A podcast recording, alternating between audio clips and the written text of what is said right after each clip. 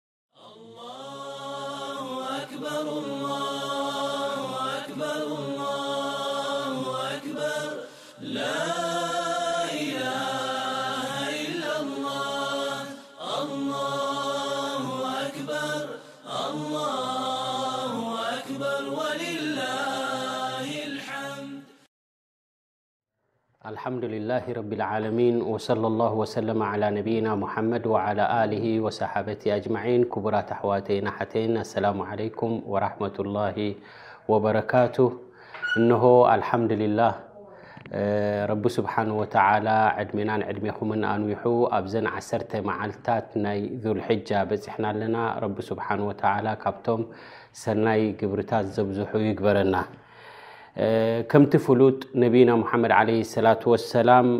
ዕድመ ናይ ህዝበይ ኢሎም ኣዕማሩ እመቲ ማበይነ ስቲን ኢላ ሰብዒን ኢሎም እዚ ኣብ ሪዋየት ትርሚዚ ወብኒ ማጃ ዘሎ ማለት እዩ ዕድመ ናይ እመት ሙሓመድ ካብ ሱሳ ክሳብ ሰብዓ እዩ ካብኡ ዝሓልፍ ውሑድ ሰብ እዩ ካብኡ ማለት ኣብዚ መንጎ እዚ እዩ ተዘሎ እቲ ኣዕማር ማለት እዩ እንተኾነ ግን ረቢ ስብሓን ወተዓላ ርህርሁን ደንጋፅን ከምኡ ድማ ንዓና ንእመት ሙሓመድ ዝያዳ ብልፀት ሂቡና እንታይ እዩ እንተ ተባሂሉ ገለገለ ወቅትታት ኣሎ ረቢ ስብሓን ወተዓላ ሙባረክ ገይርዎ ማለት እዩ ሙባረክ ማለት ንእሽተይ ሰሪሕካ ብዙሕ ዝተዓጻጸፈ ኣጅርታት ትረኽበሉ ማለት እዩ። በረካ ዝርከበሉ ብዙሕ ነገራት ኣሎ ኣብ እስልምና ቦታታት ኣሎ ሙባረክ ዝኾነ ከምኡ ድማ ኣሎ ማለት ወቕቲ ግዜ ኣሎ ሙባረክ ዝኾነ ከምኡ ውን ሓታ ቃላት ውን ሙባረክ ዝኾነ ኣሎ ከም ኣሰላሙ ዓለይኩም ወራሕመቱላህ ክትብል እንከለኻ እዚ ንገዛእ ርእሱ በረካ እዩ ከምቲ ረቡና ዓዘ ወጀል ኣብ ሱረት ኑር ተሕየተን ምን ዕንዲ ላሂ ሙባረከተን ጠይባ ዝበላ ነዛ ተሕያ እዛ ኣሰላሙ ዓለይኩም ንብላ ከምኡ እውን ካብ ዝስተ ነገር ከም ማይ ዘምዘም ደኣ መሰለ ሙባረክ ዝኾነ ኣሎ እሞ ሕጂ ዘለናዮ ወቕቲ ድማ እዘን ዓሰርተ መዓልታት ናይ ዙልሕጃ ድማ ሙባረኪን ዝኾነ እን እንታይ ማለት እዩ ሙባረኪን ንእሽተይ ስራሕ እሞ ንትሰርሕ ዝዓበየ ኮይኑ ኣብ ቅድሚ ረቢ ይቐርብ ማለት እዩ ንእሽተይ ቅድሚ ሕጂ ኣብ ካሊእ ወቕቲ ትሰርሖ ንእሽተይ ስራሕን ሕጂ እዛ ንእሽተይ ስራሓት ኣብዛ ግዜ እዚኣ ትሰርሓን ተዓፃፂፉ ኣጅሩ ዝዓበየ ይኾነልካ ማለት እዩ ረቢ ስብሓን ወተዓላ ዝተዓፃፀፈሉ ሰናይ ግብርታት ብዙሕ ገይሩልና ንምሳሌ ለይለትልቀድር ኣለና ለይለትልቀድር ኸይሩ ምን ኣልፊ ሻር ካብ ሽሕ ወርሒ ይበልፅ ማለት እዩ ወልሊክ ኣራዚ ራሕመቱላ ዓለይ እንታይ ይብል ሰማንያን ገለን ዝኸውን ዓመታት ዝኣክል እዛ ናይ ሓንቲ ለይቲ ትትሰኣ ቅያም ትገብራ ሰናይ ግብሪ ትሰርሓላ ኣብ ሌለት ልቀድር ልዕሊ ሰማንያ ዓመት ዝኸውን ኣጅሪ ሰባት ቀድሜና ዝነበሩ ዝሰርሑ ወስኻ ብሓንቲ ለይቲ ትረኽባ ኣለኻ ማለት እዩ ረቢ ስብሓን ወተዓላ እንተ ሂቡካ ዓሰርተ ዓመት ዕስራ ዓመት ሰላሳ ዓመት ኩሉ ለይለትል ቀድር እንተ ትትስእን ዕባዳ ትገብርን እንተ ኮይንካ ክንዲምታይ ኣጅሪ ኣኪብካ ኣለኻ ማለት እዩ እዘን ከምኡ ድማ እዘን ዓሰርተ መዓልታት እዘን ናይ ሕጂ ዙልሕጃ ኣትናየን ዘለና ብሉፃት ምሩፃት ኣብ ቁርን ስብሓን ወተላ ረቢ ስብሓን ተላ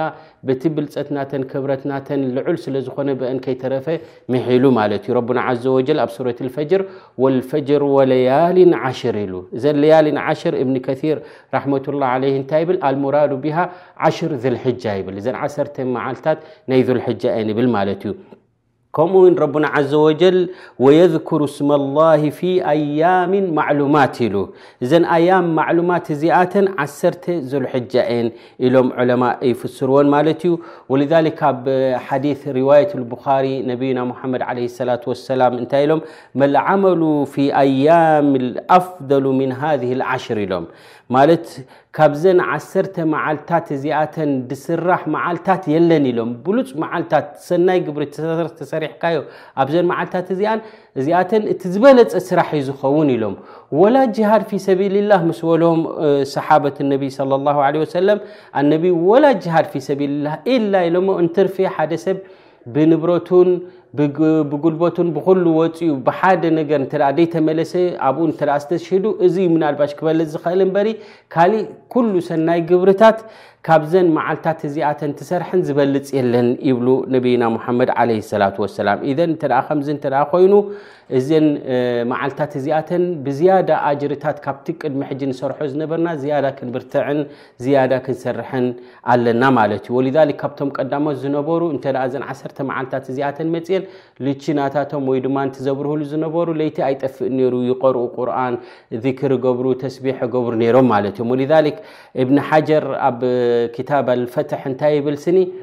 እዘን ዓሰርተ መዓልታት እዚኣተን ብሉፃት ምሩፃት ኮይነናሉ ዘለዋ ምክንያቱ ኩሉ ዕባዳ ኣብአን ስለ ዝርከብ ማለት እዩ እንታይ እንተ ኢልካ ኩሉ ዕባዳት ሓጅ ኣብ ዝኾነ ግዜ የለን ኢላ ኣብ ዙልሕጃ እየን ኣብ ምንታይ ኣላ ኣብዘን ዓሰርተ መዓልታት እዚኣተን ካሊእ ሰላት ድዩ ስያም ድዩ ሰደቃ ድዩ ኩሉ ድማ ክትገብረለን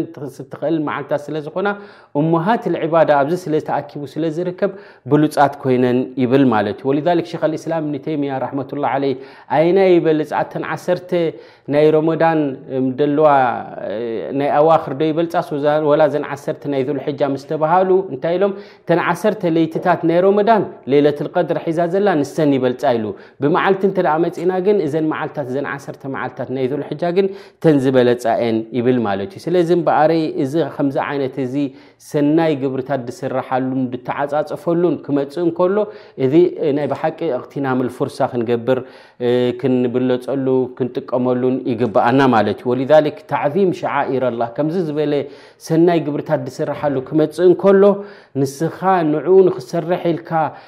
ክትህቅንን ንያ ክትገብርን ናብኡ ክትብገስን ከለኻን እዚ ሓደ ካብቲ ምልክት ናይ ኢማን እዩ ذ ረና ዘ ወ ኣብ ሱረት ሓጅ መበል 32 ኣያ እንታይ ይብል ذሊከ ወመን ዩዓዝም ሸዓር ላ ፈኢነሃ ምን ተقወ ቁሉብ እዚ ረቢ ስብሓን ወተላ ክብረት ዝሃቦ ንዑ ስኻ ክብረት ክትብን ከለኻ እዚ ምልክት ናይ ኢማን እዩ ማለት እዩ እምበኣረይ እሞ እንታይ ኣሎ ክስራሕ ዝከኣል ኣብዚ መዓልታ እዚኣተንሲ እንታይ ክንሰርሕ ትምዕደና ወይ እንታይ ክንሰርሕ ኣለና ኢልና እተ ንንሕድሕድና እተ ክንመዓድ እንተ ኮይና ብዙሕ ሰናይ ግብርታት እዩ ደሎ ሓደ ካብኡ ኣወለን ቶባ ንብል ማለት እዩ ቶባ ኣብ ኩላ ግዜ ኣብ ነፍሰ ወከ ኣብ ዝኾነ ይኹን ግዜን ቦታን ቶባ ከነቋርፅ የብልናን ብዝያዳ ድማ ከምዚ ዝበለ ብሉፅ ግዜታት ክመፅ ከሎ ቶባ ኢልካ ጉድለትካ ዝነበረካ ናብ ረቢ ስብሓን ወተዓላ ተጣዒስካ ሕጂ ንፅቡቅ ስራሓት ንክሰርሕ ምህቃን ማለት እዩ ካሊእ ዝኾነ ይኹን ዓመል ር ዝበሃል ዓመል ሳልሕ ዝበሃል ኣብዘን መዓልታት እዚኣተን ተብዝሐን ማለት እዩ ኣብ ካሊእ ግዜ ስብሓን ላ ትብላን ኣብዚ ግዜ እዚ ስብሓን ላ ትብሎን ብፍልልያ ኣለዎ ማለት እዩ ዝያዳ በልፀት እዩ ዘለዎ ማለት እዩ ከምኡ ከምቲ ኩላ ግዜ ክንገብሮ ዘለና ብዝያዳ እውን ኣብዚ መዓልታት እዚ ካብቲ ኣማል ዝያደ ኣጅሪ ንኸስበሉ እንተሃለ ሰላት ነዋፍል ምብዛሕ ማለት እዩ ኣብ ካእ ግዜ ነዋፍል ከነብዛሕ ኣለና ብዝያዳ ብ ዝነብዝሓሉ ድማ ምክንያቱ ስለቲ ስራሕቲ ዝተዓፃፀፍ ስለ ዝኾነ ማለት እዩ ሰላት ምስጋድ ስጁድ ምብዛሕ እዚ ዝያዳ ናብ ረቢ ዘቀራርበካ እዩ ወልክ ነብና ሓመድ ለ ሰላ ሰላም ዓለይካ ብከትረት ስጁድ ኢሎሞ ንሓደ ሰሓቢ ክምዕድዎ ከለዉ ስጁድ ኣብዚሕኻ ብማዕና ሰላት ኣብዚሕኻ ኩለማ ሰጊድካ ኩለማ ስጁድ ጌርካ ረቢ ስብሓን ወተላ በዚ ስጁድ ዝገበርካዮ ደረጃኻ ሓፍ የብለልካ ዘንብኻ እውን ዘቕፍረልካ ይብሉ እዚ ኣብ ርዋየት ሙስሊም ዝርከብ ሓዲት ማለት እዩ ከምኡ እውን ኣብዘን መዓልታት እዚኣተን ስያም ነብዝሕ ማለት እዩ ስያም ተኺእልካ ብምሉእ ዓሰርቲኡ እንተጸምካዮ ውን ጽቡቕ ላኪን ብዝያዳ ተገዳስነት ገይርና ከነሕልፋ ዘይብልና እታ ውቁፍ ብዓረፋ ሑጃጅ ኣብ ዓረፋ ዝውዕልሉ ታሽዓይ መዓልቲ ቅድሚ ዒድ ሓንቲ መዓልቲ ዘላ እዚኣ ንጾማ ማለት እዩ እዚኣ እንድሕር ጸይምካያ ዓብይ ኣጅሪ ኣለካ ማለት እዩ ሓዲስ ኣብ ሪዋየት ሙስሊም ይርከብ ክንትንትኖ ኢና ማለት እዩ ላኪን ብሓፈሹ ይብል ኢማም ነዊ ረሕመቱላ ዓለይ እነሁ ሙስተሓቡን እስትሕባብን ስያም ኣብዚ መዓልታት እዚ ክትፀውም ፍቱው እዩ ይብል ላኪን እስትሕባብ ሸዲድ ዝያዳ ፍቱው ዝኾነ ላኪን ናይ የውም ዓረፋ ይብል ምክንያቱ ኣነቢ ለ ሰላት ወሰላም እንታይ ኢሎም ስያሙ የውም ዓረፋ ኣሕተሲቡ ዓላ ላ ኣን ዩከፍረ ሰነተ ለቲ ቀብለሁ ወለቲ ባዕደሁ ኢሎም ናይዛ ሓንቲ መዓልቲ እዚኣ ትፀውማ መዓልቲ ስኒ ናይ ዝሓለፈን ናይ ዝመፅእን ዘንብኻ ረቢ ስብሓን ወተዓላ ይቕፍረልካ እዚ ዓብ ዓብ ዓብይ ኣጅሪ ዘለዎ ጉዳይ ስለ ዝኾነ ነዚ ክንሰርሕ ክንህቅ ማለት ክንብገስ ኣለና ማለት እዩ እንተ ደኣ ክኢልካ ኣብዚ ወርሒ እዚ ወይ ኣብዘን ዓሰርተ መዓልታት ንሓጅ ንያ ምግባር ማለት እዩ ሓጅ ክትሕጅጅ እንከለኻ ዓብዪ ኣጅሪ እዩ ዘለዎ ከምቲ ኩላትና ንፈልጦ ወልሓጅ ልመብሩር ለይሰ ለሁ ጀዛ ኢለ ልጀና ኢሎም ፅሩይ ፅፉፍ ዝኾነ ጉድለት ዘይብሉ ሓጅ እንተ ደኣ ፈፂሙ ሓደ ሰብ ጀዛእ ናቱ ጀና ይብሉ ኣነቢ ዓለይሂ ሰላት ወሰላም። ካሊእ ካብቲ ነብዝሖ ሰናይ ግብርታት ኣብዘን ቅነ እዚኣተን ኣብዘን ዓሰርተ መዓልቲ ተስቢሕ ሱብሓነላህ፣ ኣልሓምዱሊላህ፣ ኣላሁ ኣክበር፣ ላኢላሃ ኢለላህ ዝብል ተብዝሕ ማለት እዩ። ወሊዛሊክ እብኒ ዑመር ኣብ ሓዲስ እንታይ ይብል ማለት እዩ ፈኣክሲሩ ፊህና ሚነ ተህሊል ወተክቢር ወተሕሚድ ኢሉ ማለት ኣብዝሑ ኢኹም ታህሊል ላኢላሃ ኢላላህ ዝብል ኣላሁ ኣክበር ዝብል ኣልሓምዱሊላህ ዝብል እዚ ሕጂ እዚ ኣብቶም ቀዳሞት ዝነበሩ ሰለፉን ሳልሕ እዘን ዓሰርተ መዓልቲ እንተ ኣትየን ማለት እዩ ሕጂ ልክዕ ካብ ሰሉስ ማለት እዩ ካብ ሰሉስ ጀሚርካ ክሳብ ረቡዕ ዘሎ እታ ረቡዕ ትፅወመላ መዓልቲ ማለት እዩ እዘን እዚ መዓልታት እዚ ተስቢሕ ትገብረሉ ወልዛሊክ እብኒ ዑመር ይወፅእ ነይሩ ኣብ ሽውቅ ኣብ መንገዲ ኣላሁ ኣክበር ኣላሁ ኣክበር ኣላሁ ኣክበር ይብል ሰባት ድማ ንዑ ሰሚዖም ድማ ተክቢር ይገብሩ ነይሮም እዘን እዚ መዓልትታት እዚ ናይ ተክቢር እዩ ማለት እዩ እዚ ተክቢር እዚ ክሳብ ሳልሳይ መዓልቲ ናይ ዒድ ደሎ ተክቢር ተብዝሕ ማለት እዩ እታ ሲቀት ተክቢር እታ ፍልጥቲ ዝኾነት ኣላ ኣክበር ኣ ኣክበር ኣ ኣክበር ከቢራ ትብል ወይ ድማ ኣላ ኣክበር ኣ ኣክበር ላኢላሃ ኢላ ላ ኣክበር ኣ ኣክበር ወልላ ልሓምድ ትብል ወይ ድማ ኣላሁ ኣክበር ኣላሁ ኣክበር ኣላሁ ኣክበር ላኢላሃ ኢላላ ወላሁ ኣክበር ኣላሁ ኣክበር ወልላሂ ልሓምድ ትብል እዚ ከሉ ካብቲ ማለት ሰለፉነ ሳልሕ ደብዝሕዎ ዝነበሩ ተክቢራ እዩ ማለት እዩ ጠብዓ ኣብዚ መዓልታት እዚ ስያም ረቡዕ ምስ ውዓልና ማለት እዩ ሓሙስ ዒድ ይኸውን ኣሎ ረቡዕ ክትጸውም ናይ ክልተ ዓመት ዝኣክል ዘንብኻ ይቕፈረልካ ኢልና ከምኡ ካብቲ ዝዓበየ ኣብ ዒድ ማለት ዩ ዓብይ ተቀሩብ ናብ ረቢ ስብሓን ተዓላ ዘቀራርበካ ስራሕ እንተሃለዎ እንታይ እንተ ኢልካ እውድሕያ ምሕራድ ማለት ዩ ክእለት እንተ ሂቡካ ረቢ ስብሓን ወተዓላ በጊዕ ድዩ ጤል ድዩ ግመል ድዩ ወይ ድማ ከብቲ ድዩ ሓሪድካ ትበልዕ ማለት እዩ እዚ ምሕራድ እዚ ዝያዳ ናብ ረቢ ስብሓን ወተዓላ ዘቀራርበካ እዩ ማለት እዩ ወልሊካ ነቢ ለ ሰላት ወሰላም እንታይ ኢሎም ኣዕዘሙ ኣያም ዕንዳ ላሂ የውመ ናሕር ኢሎም እቲ ዝበለፀ መዓልቲ የውመ ናሕር ኢሎም ثማ የውመ ልቀር የውመ ልቀር ድበሃል ኩላቶም እቶም ዕምራ ሓጅ ዝገበሩ ኣብ ሚና ኮፍ ድብልሉ መዓልቲ ኣብ ካልኣይ ዒድ ማለት እዩ እዚ እቲ ዝበለፀ መዓልታት ማለት እዩ እዘን ኣዕዘሙ ኣያም ዕንደ ላህ ዝበለፀ መዓልቲ ኣብ ቅድሚ ረቢ ዝበለፀት መዓልቲ ኣየነይቲ እያ እንተ ተባሂልካ ዒድ ኣልኣድሓ ማለት እዩ እዚ ኣብ ሪዋይቲ ኣብ ዳውድ ወነሳኢ ዝርከብ ማለት እዩ ከምኡ ድማ ዒድ ምስተባሃ ማለት ዒድ ሓሙስ ምዃኑ ተረጋጊጹ ኣሎ ሕጂ ዘጠራጥር የብልካን ረቡዕ ጸምና ኣለና ዒድ ምስ ኮነ ድማ ዝያዳ እስትዕዳድ ትገብር ናብ ሰላት ልዒድ ንክትከይድ ማለት እዩ ወ ኣንጊህካ ምካድ ድማ ናብ ሰላት እዚ ካብቲ ፍት እዩ ወ ኢማም ልቡኻሪ ራሕመትላ ዓለይ እንታይ ድብል ኣሎ ቲ ክታብ ናቱ ባብ ኣተብኪር ኢለ ልዒድ